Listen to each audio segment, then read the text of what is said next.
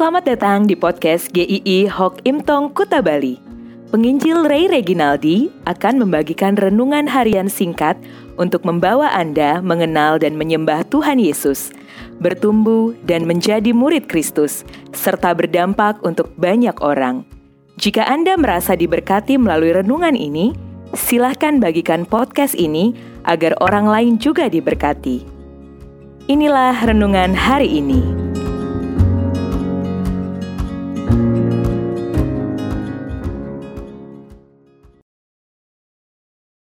Kisah kasih Allah. Pembahasan kita dari kejadian 1 sampai kejadian pasal yang ketiga. Tetapi saya akan membaca dari Roma 5 ayat 19. Jadi sama seperti ketidaktaatan satu orang, semua orang telah menjadi orang berdosa. Demikian pula oleh ketaatan satu orang, semua orang menjadi orang benar. Jika kita melihat film-film, terutama yang ada keterangan diangkat dari kisah nyata, biasanya film-film itu adalah berasal dari kisah-kisah yang sangat menginspirasi Biasa itu juga mendorong orang, menggerakkan orang untuk bisa berlaku seperti apa yang dikisahkan. Tetapi sesungguhnya ada kisah yang begitu mengagumkan yang seharusnya itu menginspirasi setiap orang percaya, yaitu kisah kasih Allah di dalam perjalanan dunia ini, termasuk di dalam hidup kita yang sangat menakjubkan kita akan melihat secuplik saja dari kemegahan dan keakbaran kisah kasih Allah. Pertama-tama kita bisa melihat betapa kerennya, betapa epiknya dan menakjubkannya ketika Allah menciptakan dunia dan isinya. Dari kenihilan tanpa bahan apa pun, kemudian mulai dijadikan satu persatu dari yang tidak ada kehidupan sampai menjadi sebuah tatanan kehidupan yang begitu indah, dari yang tidak dikenal sama sekali menjadi ada. Semua yang diperlukan untuk manusia hidup sudah tersedia. Dikatakan setelah Allah mencipta, setiap harinya ditutup dengan perkataan semuanya baik. Setiap hari itu baik karena Allah berkarya di dalamnya dan itu adalah hasil karya Allah termasuk di hari ketujuh pada saatnya berhenti.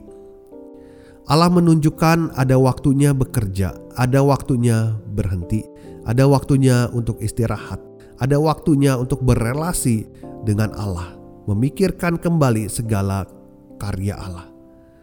Pekerjaan Allah anugerahkan kepada manusia sebelum manusia jatuh ke dalam dosa, bukan karena manusia berdosa baru manusia harus bekerja. Allah sudah memberikan mandat untuk bekerja itu kepada manusia ketika dia menciptakan segala karyanya di dalam dunia ini.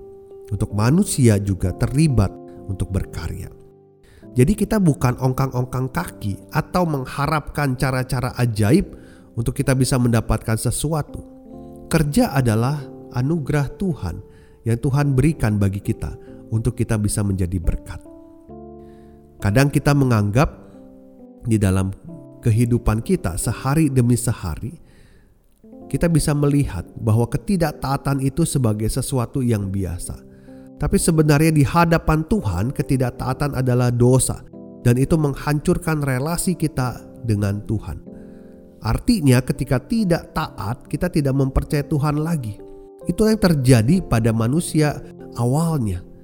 Ketika Adam dan Hawa diciptakan begitu baik, ada perintah dari Tuhan untuk mereka tetap taat, tetapi mereka tidak mau taat.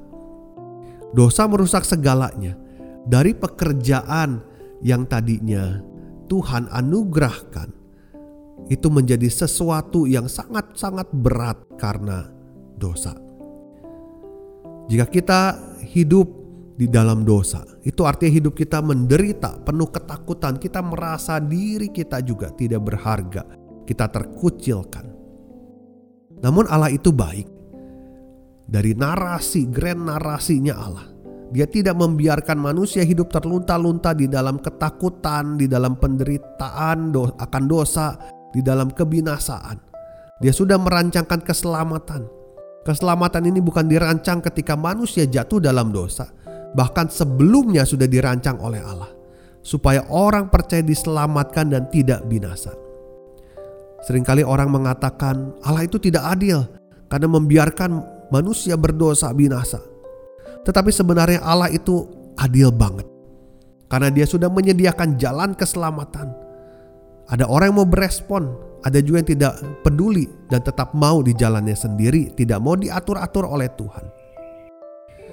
Kejadian 1 sampai 3 ini buat saya pribadi sangat memberkati karena itu menunjukkan Allah adalah Allah. Tidak ada yang lain selain Dia dan Dia adalah Allah yang mengasihi setiap kita.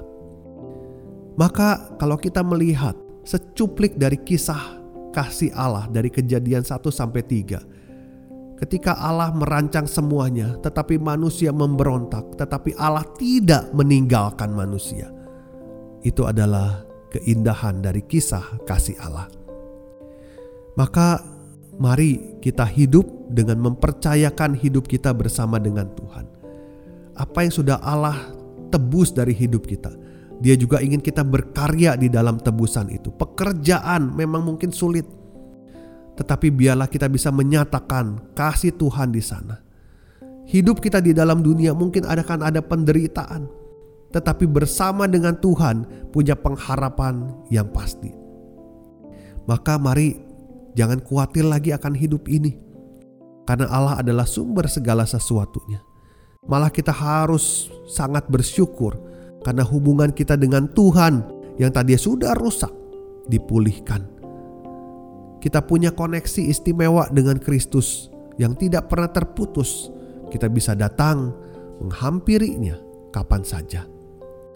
Seperti ketika Adam sebelum jatuh ke dalam dosa bisa komunikasi dengan bebas kepada Allah. Kita bersyukur karena kisah kasih Allah menjadikan kita juga bagian dari anak-anak Allah.